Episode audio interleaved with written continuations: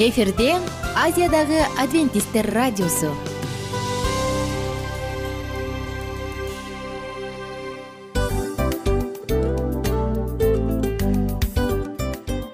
Достор салют.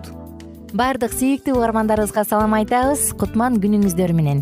Ден соолук өмүрдүн булагы демекчи саламат саамы программасында баарыңыздарды көргөнүбүзгө абдан кубанычтабыз. Анда алгач амандашып өтөлү арбаңыздар деп. Ден соолугуңуздар кандай элибизде көбүнчө ден соолук кандай дегенде эле жакшы деп жооп беребиз э? ооруп турсак дагы жакшы дейбиз. Анан мен муну айтып ойлойт элем бул абдан сонун сөз депчи анткени бул жакшы деген үмүт да э ооба баары жакшы болот. Баары сонун. Деп үмүттөнүп атып эле өзүбүздү өзүбүз дарылап коебуз. Анысы кандай? Сиздин дагы ден соолугуңуз жакшы беш деген үмүттөбүз чындыгында ден соолук бул өмүрдүн булагы деп бекеринен айтылган эмес деп ойлойм. Кыргыз элинде анткени эгерде ден соолук жок болсо анда адамдын жашоосунда калган баардык керектүү маңыздуу нерселер өзүнүн баалуулугун жоготуп коет. Ошондуктан ден соолук бул эң керектүү нерсе. Ооба туура айтасың кесиптешим. Чынында ден соолугуң жок бир эки үч күн ооруп калсаң эле э кандай болуп калат? Жашоодо көз каранды болуп каласың көп нерсеге жетишпей каласың көп нерсени кыла албай каласың жада калса эчке дүкөнгө да чыга албай каласың. Туптуура анан ден соолук болсо демек биз биздин бактыбыз тоодой деп койсок болот. Анда достор саламат саамы рубрикабызды баштайлы. Алдыда өзүңүзгө керектүү болгон сонун кеңештерди уга аласыздар. Мына ошондуктан биз менен бирге болуңуздар. Ал эми биз болсо милан жана айнура. Кеттик алга. Алга саламат саама ден соолуктун жарчысы. Саламат саама ден соолуктун ачкычы. Күн сайын сиз үчүн мыкты кеңештер сонун жаңылыктар кызыктуу фактылар. Биздин рубрикада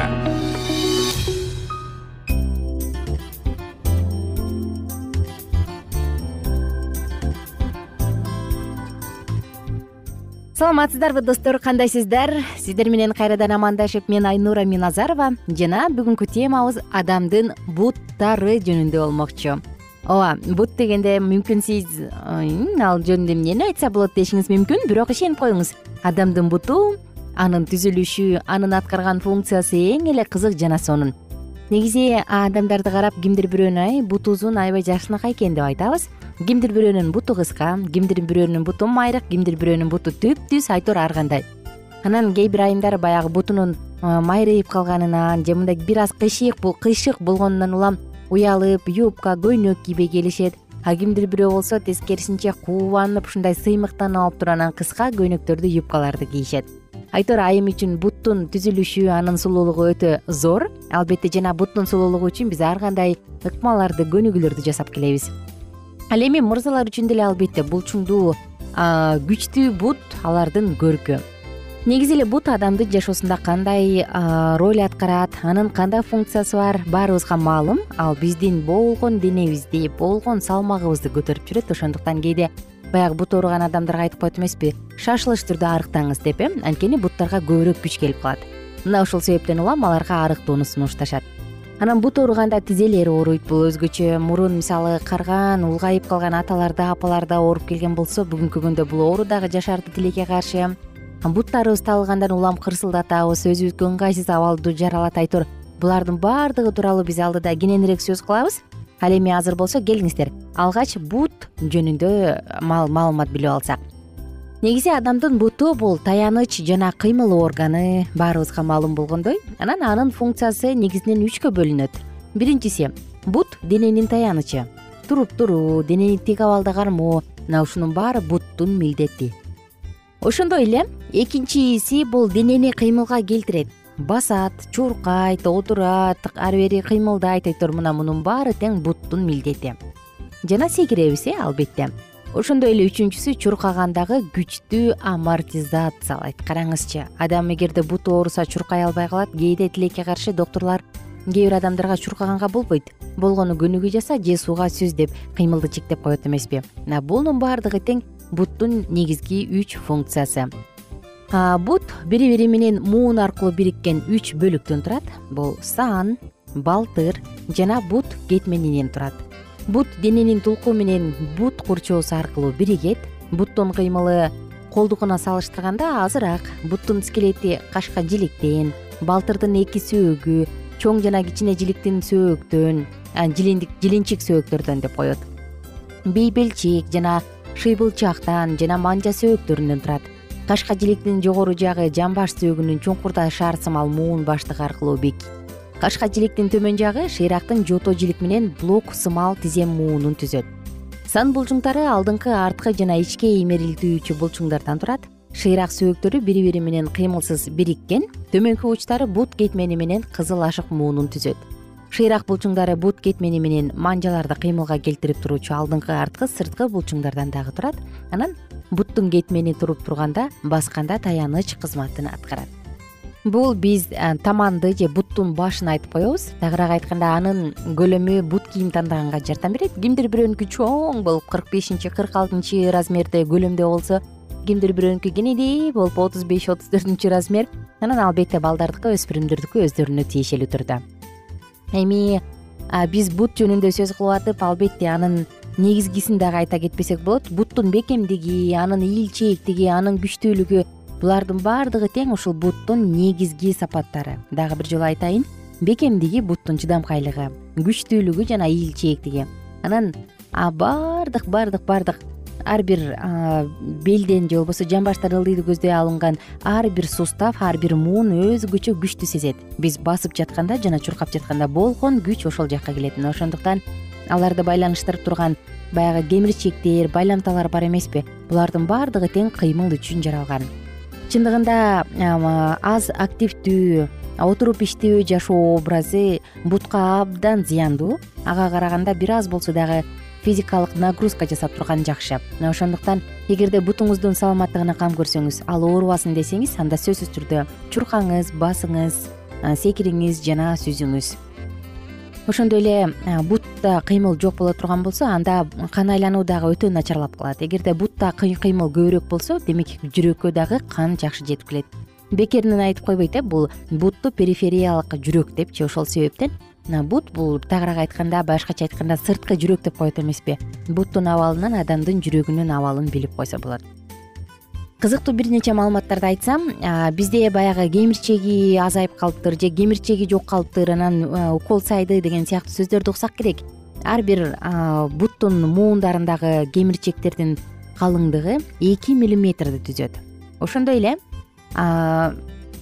биз айтып келген дагы бир жүрөндөн чыккан ири нерв бар эмеспи жамбаш жакта дал ушул ири нервдин диаметри он беш миллиметрди түзөйт бутта жалпысынан жыйырма алты сөөк бар.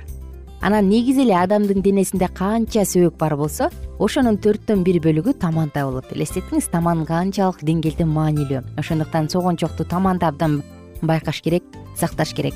Жана ар бир адам орточо эсеп менен жашоосунда жүз миң километр аралыкты басат экенбиз. Эми достор тынчсыздандырган буттардын синдрому деген бар эмеспи. Мына бул учурда адам ооруйт түн ичинде ооругандан ойгонот кырсылдатат ары бери чоет бирок диагнозу эмне экенин билбейт. Мындай учурда сиз үйдөн басыңыз бир аз болсо дагы анан кийин буттардын булчуңдарын чоюш үчүн көнүгүүлөрдү жасаңыз жана буттарга массаж жасап коюңуз. Ошондой эле эгер сиз көбүрөөк кыймылдай турган болсоңуз жана алкоголдук ичимдиктерден кофеден баш тартсаңыз анда сөзсүз түрдө бул ушул сыяктуу сиздин бутуңузду тынчсыздандыруучу синдромдордон алыс болосуз. Достор сиздер менен коштошчу учурга келип калдык. Адамдын таманы абдан маанилүү ошондуктан таман бир аз эле жарака кетип жарылып ооруй турган болсо ачыша турган болсо чоң көйгөйлөр жаралат эмеспи. Ошондуктан достор сиздерге айтыкарыларым таманыңызды буттарыңызды жакшы сактаңыз көбүрөөк кыймылдаңыз басыңыз ага күч келтирип физикалык нагрузка жасап туруңуз а мен болсо сиздер менен коштошом кийинки уктуруудан амандашканча сак саламатта туруңуздар. Жана күнүңүздөр көңүлдүү улансын. Кененирээк маалыматтар үчүн үч w чекит саламат чекит клуб сайтына келип таанышыңыздар. Жана андан тышкары социалдык тармактарда youtube facebook жана instagram баракчаларына катталыңыз саламат саама ден соолуктун жарчысы. Саламат саама ден соолуктун ачкычы. Күн сайын сиз үчүн мыкты кеңештер сонун жаңылыктар кызыктуу фактылар биздин рубрикада.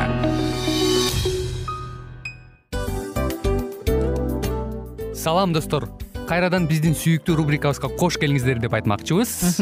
Баардык замандаштарыбызга арбаңыздар деп саламыбызды айтабыз. Улуу ушундай бир урматтаган учурашуу менен анан дил маек радио баракчабызга чакырабыз. Негизи дил маек биздин рубрикабызда эмне жөнүндө кеп кылабыз бул дил маектин мааниси эмнеде рубрикабыз менен кичине тааныштырып кетсеңиз. Сөзсүз түрдө тааныштыра кетейин кесиптешим суранычы боюнча бул учурда бул радио баракчада биз ар тарап кесип ээлеринен сонун кеңештерди алабыз сүйлөшөбүз сырдашабыз аталарыбыздын эжелерибиздин апаларыбыздын кеңештерин угабыз. Айтор жан дүйнөгө адамдын э, сапатына адамдын деги эле адам болуп жашашына керектүү баардык кеңештер алдыда негизи э, дил маек дегенде баягы эки адамдын ортосундагы сырдашуу кенен сүйлөшүү. Негизи эле биз адамдар бири бирибиз менен бир жерге жай жерге отуруп алып өзүнчө тынч э, жашоо жөнүндө өмүрүбүздө эмне болуп атканын бөлүшкөнү жакшы көрөбүз э адамдар. Ооба туура айтасың анан мындай учурга кээде убакыт да жетпей келет э? Же болбосо сырыңды кайгыңды муңуңду кубанычыңды айткың келет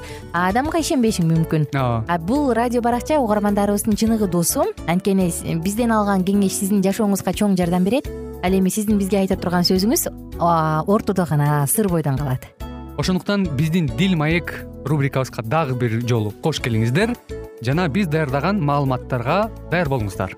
Айнура жана милан сиздер менен бирге алдыга кеттик ар түрдүү ардактуу кесип ээлеринен алтын сөздөр жүрөк ачышкан сыр чачышкан сонун маек дил маек рубрикасында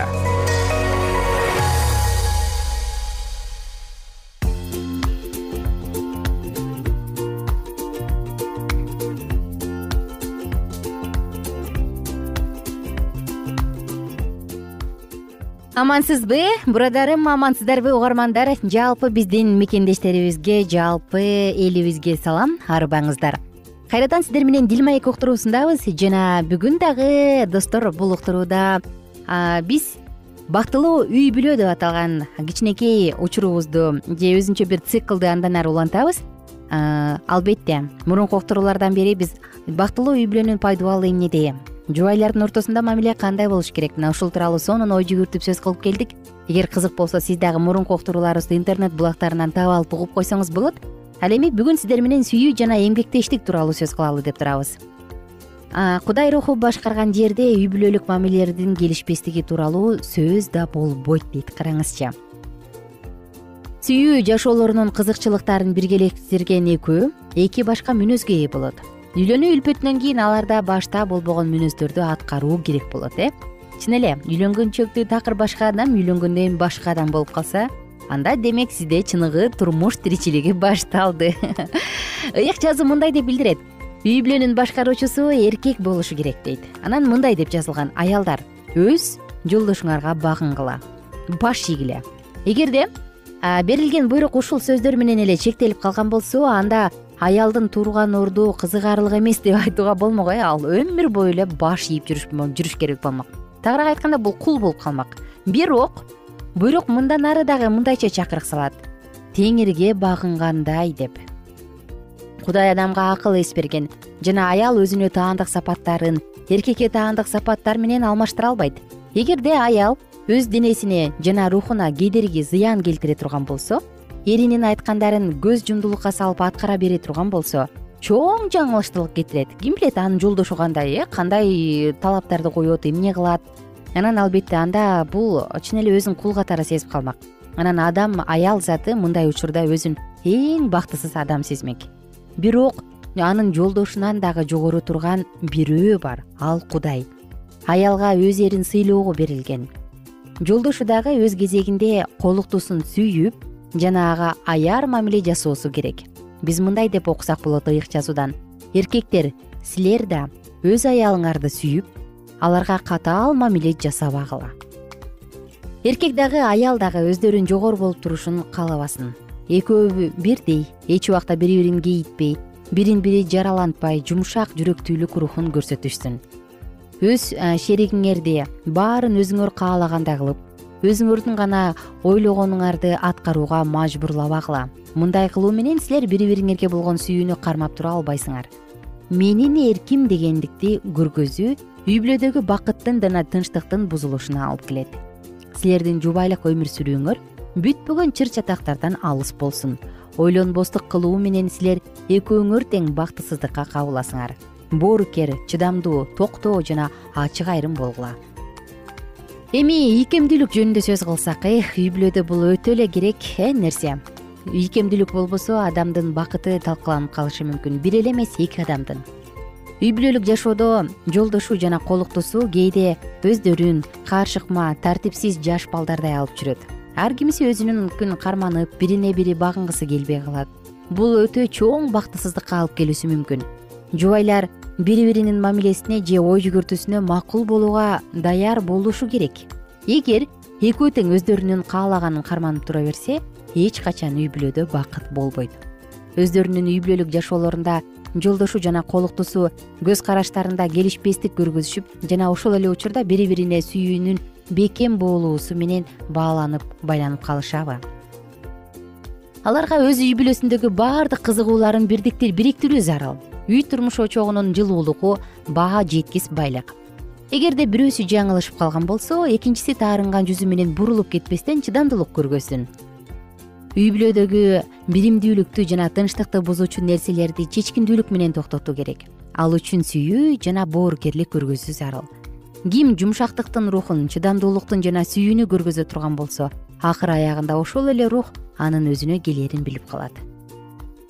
Достор караңыздарчы чындыгында биздин жашообузда өтө эле оор учурлар кездешет жеңил учурлар кездешет. Биздин турмушубузда күрөшөбүз мушташабыз. Албетте бул адамдын өзүбүздүн мүнөзүбүз менен э? Кээде жогоруда айтылгандай биз сүйүүнү жөнөкөй эле сүйүүнү көргөзүш үчүн бир күч же жумуш же эмгек жумшагыбыз келбей калат. Болду ал меники сүйөт да кайда бармак эле? Деген ой болуп калышы мүмкүн. Бирок ооба ал адам сени алмаштырып же болбосо ала жип таптап көзүңө чөп салбашы мүмкүн. Бирок жүрөгү сенден алыс болуп калышы мүмкүн. Ошондуктан чындыгында сонун абдан сонун кеңештер айтылган. Биздин жашообузда сүйүү жөн эле сүйөм эле болуп башында үйлөнүп атканда мен сени сүйөм эле бойдон калып калбастан ар бир күн сайын жаңыланып сүйүүнү көргөзө алганыбыз кандай жакшы кээде адамдын мүнөзү бар э ии ушундай бир кырс. Чындыгында мындай адамдар дагы кездешпей койбойт. Жашоосунда бир нече жолу ойлонгон үйлөнгөн бир нече аял алган бирок мүнөзү ошол бойдон калган. Анан карап отуруп аябай жаман болосуң да жашоо тарбиялабаптыр деп. Эмне себептен? Мүнөзү кырс. Эч кимге баш ийгиси келбейт өзүнүкүн бергиси келбейт. Мына мен ушундайды каалайм дейт.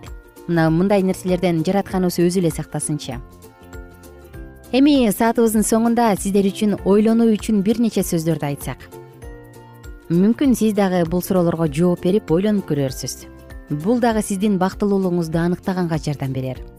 Сөз же тил менен эмес бирок иш менен жана чындык менен сүйүп туралы сөз эле тил эле менен сүйөм эмес иш жана чындык менен сүйүп туралы сиздерге суроолор анда достор. Биринчиси эмне себептен силер өзүңөрдү сүйүктүүмүн деп сезесиңер экинчиси менин жан шеригим өзүн сүйүктүү сезиш үчүн мен эмне кылып жатам?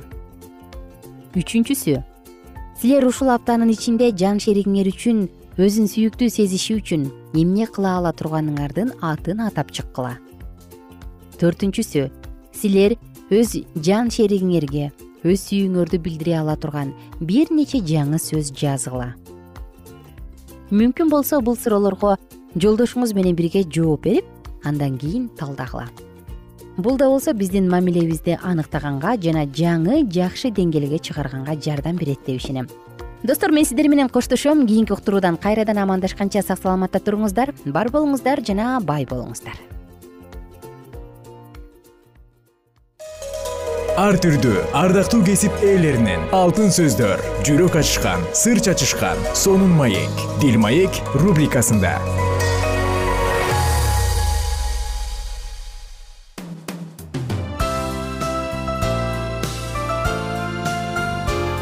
Эфирде азиядагы адвентисттер радиосу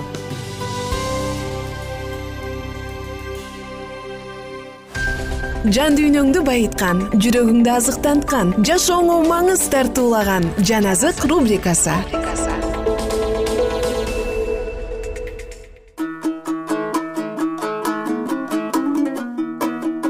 Кутмандуу куш убак күнүңүздөр менен арбаңыздар жалпы кыргыз элим. Сиздер менен биз кайрадан амандашып жан азык рубрикасын баштадык адаттагыдай марк жазган жакшы кабарды окууну андан ары улантабыз жана бул учурда дагы ар бир айтылган сөз сиздин жүрөгүңүздүн тереңинен түпкүр алып калса экен деген үмүттөмүн. Анда эмесе алдыны көздөй жөнөдүк. Марк жазган жакшы кабар он бешинчи бөлүм. Таң атаары менен башкы ыйык кызмат кылуучулар мыйзам окутуучулар аксакалдар жана синедриондогулар кеңешме өткөрүштү да ыйсаны байлап пилатка алып барып тапшырышты. Пилат ыйсадан сен жүйүттөрдүн падышасысыңбы? деп сурады. Ыйса болсо ага өзүң айтып жатасың деп жооп берди. Башкы ыйык кызмат кылуучулар ага каршы көп нерселерди айтып айыптап жатышты. Ошондо пилат андан сен такыр жооп бербейсиңби? деп дагы сурады. Анан сага каршы айтылган айыптоонун көптүгүн карачы деди бирок ыйса бул суроого да жооп берген жок. Пилат буга таң калды. Ал майрам сайын эл сураган бир туткунду бошотуп берчү. Ошол учурда бараба деген киши көтөрүлүшчүлөр менен бирге камакта болчу. Алар козголоң убагында киши өлтүрүшкөн эле. Эл пилаттан адаттагысындай эле бирөөнү бошотуп берүүсүн сурап кыйкыра башташты. Пилат болсо аларга каалайсыңарбы мен силерге жүйүттөрдүн падышасын бошотуп берейин деди. Анткени ал башкы ыйык кызмат кылуучулардын ыйсаны көрө албастыктан улам кармап беришкендигин билчү. Бирок башкы ыйык кызмат кылуучулар андан көрө барабаны бошотуп берүүсүн сурагыла деп элди тукуруп коюшту. Пилат кайрадан аларга жүйүттөрдүн падышасы деп өзүңөр атаган адамды эмне кылышымды каалайсыңар деди. Алар аны айкаш жыгачка када деп кыйкырышты. Пилат алардан ал кандай жаман иш кылды эле? деп сурады. Алар болсо аны айкаш жыгачка када деп мурдагыдан да катуу кыйкырышты. Ошондо пилат элге жагууну каалап аларга барабаны бошотуп берди. Ал эми ыйсаны камчы менен сабаткандан кийин айкаш жыгачка кадатуу үчүн аскерлердин колуна тапшырды. Аскерлер болсо ыйсаны ак сарайдын короосуна башкача айтканда приторияга алып келишти да бүт аскер бөлүгүн чогултушту. Ыйсанын үстүнө кочкул кызыл чапан жаап башына тикенектен таажы өрүп кийгизишти анан салам жүйүттөрдүн падышасы! деп аны менен саламдаша башташты. Алар аны ички чыбык менен башка чапкылашты. Ага түкүрүштү тизе бүгүп ага таазим кылышты. Аны ушинтип шылдыңдашкандан кийин андан кочкул кызыл чапанды чечип алып өзүнүн кийимин кийгизишти. Анан аны айкаш жыгачка кадоо үчүн алып жөнөштү. Алар талаадан келе жаткан шимон деген кренеялык бир кишиге ыйсанын айкаш жыгачын мажбурлап көтөрүп коюшту. Ал искендер менен руттун атасы эле ошентип алар ыйсаны галгофа бул баш сөөгү деп которулат. Галгофа деген жерге алып келишти. Ага смирна кошулган шарап беришти. Бирок ал ичкен жок. Ыйсаны айкаш жыгачка кадагандар өкчөмө таш ыргытып анын кийимдерин бөлүп алышты. Үчүнчү саат чамасында аны айкаш жыгачка кадашты. Анын баш жагына жүйүттөрдүн падышасы деген айыптоо жазылган тактайчаны илип коюшту. Ыйсанын жанына эки кылмыштерди бирин оң жагына бирин сол жагына айкаш жыгачка кадашты. Ошентип ал кылмышкер катары эсептелди деген пайгамбарчылык орундалды. Өтүп бара жаткандар баштарын чайкап ыйсаны мындай деп тилдеп жатышты. Эй ибадаткананы бузуп үч күндө тургузуучу айкаш жыгачтан түшүп өзүңдү куткарбайсыңбы? Башкы ыйык кызмат кылуучулар менен мыйзам окутуучулар да шылдыңдашып бири бирине башкаларды куткарды өзүн болсо куткара албайт машаяк ысрайылдын падышасы азыр айкаш жыгачтан түшсүн биз көрүп ага ишенип калалы дешти. Анын жанындагы айкаш жыгачка кадалгандар да аны тилдеп жатышты. Алтынчы сааттан тогузунчу саатка чейин бүт жерди караңгылык басып турду. Тогузунчу саатта ыйса үнүн катуу чыгарып эллои эллои ламма савахфани деп кыйкырды. Бул кудайым ай кудайым ай мени эмнеге жалгыз калтырдың? деп которулат. Ал жерде тургандардын кээ бирөөлөрү муну укканда ал ильясты чакырып жатат дешти. Ошондо бирөө жүгүрүп барып соргучту ачуу ичимдикке малды да аны ичке таякка илип ыйсага берди. Анан токтогула ильяс келип аны түшүрүп алар бекен көрөлү деди. Ыйса болсо катуу үн чыгарып жан берди. Ошондо ибадатканадагы көшөгө жогорудан ылдый айрылып экиге бөлүнүп калды.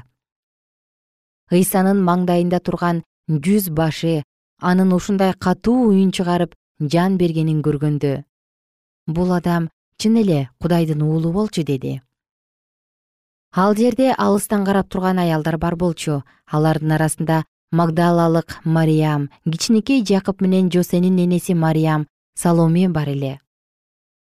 Ыйса галилеяда жүргөндө алар анын артынан ээрчип ага кызмат кылышчу. Ал жерде аны менен иерусалимге келген башка да көптөгөн аялдар бар эле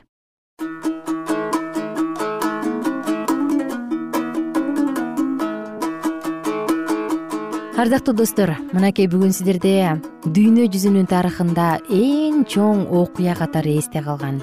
Бир гана дүйнөнүн эмес адамдын тагдырын өзгөртө турган бир чоң окуя жөнүндө окуп өттүк. Бул окуя бир гана учурда болуп ошол бойдон унутулуп калган эмес. Бул окуя бүгүнкү күндө дагы актуалдуу.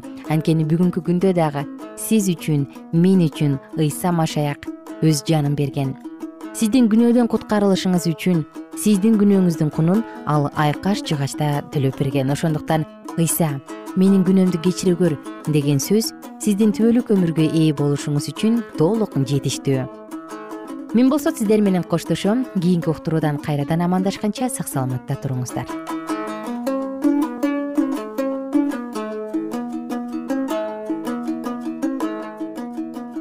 эгер сиздерде суроолор болсо же көбүрөөк маалымат билем десеңиз анда биздин whatsapp номерибизге жазыңыз. Плюс бир үч жүз бир жети жүз алтымыш алтымыш жетимиш. Кайрадан плюс бир үч жүз бир жети жүз алтымыш алтымыш жетимиш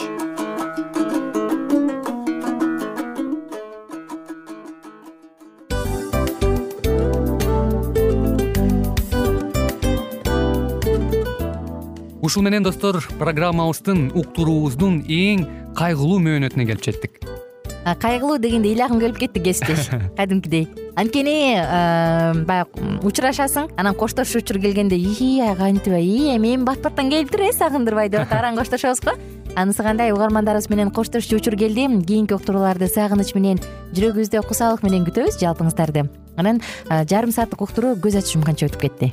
Сөзсүз бирок бизде жакшы кабар бар. Кийинки уктурууларыбызда сөзсүз дагы кезигишебиз. Анткени биз көптөгөн сюрприздерди кызыктуу маалыматтарды жана керектүү керектүү нерселердин көпүнчөсүн даярдадык анда угармандарыбыздын баардыгына ийгиликтүү күн каалайбыз эгерде бүгүнкү күнүңүз өзгөчө э, өтүшүн кааласаңыз анда позитивдүү ой жүгүртүп жылмайып жакындарыңызга жакшы маанай тартуулап жүрө бериңиз. Анткени сөзсүз түрдө мунун арты кайтат э? Сөзсүз. Баягы ден соолугуң оңолот ал бул деп көп нерсени санап келебиз. Эң негизгиси бул сиздин жашооңузду жаркын кыла түшөт экен.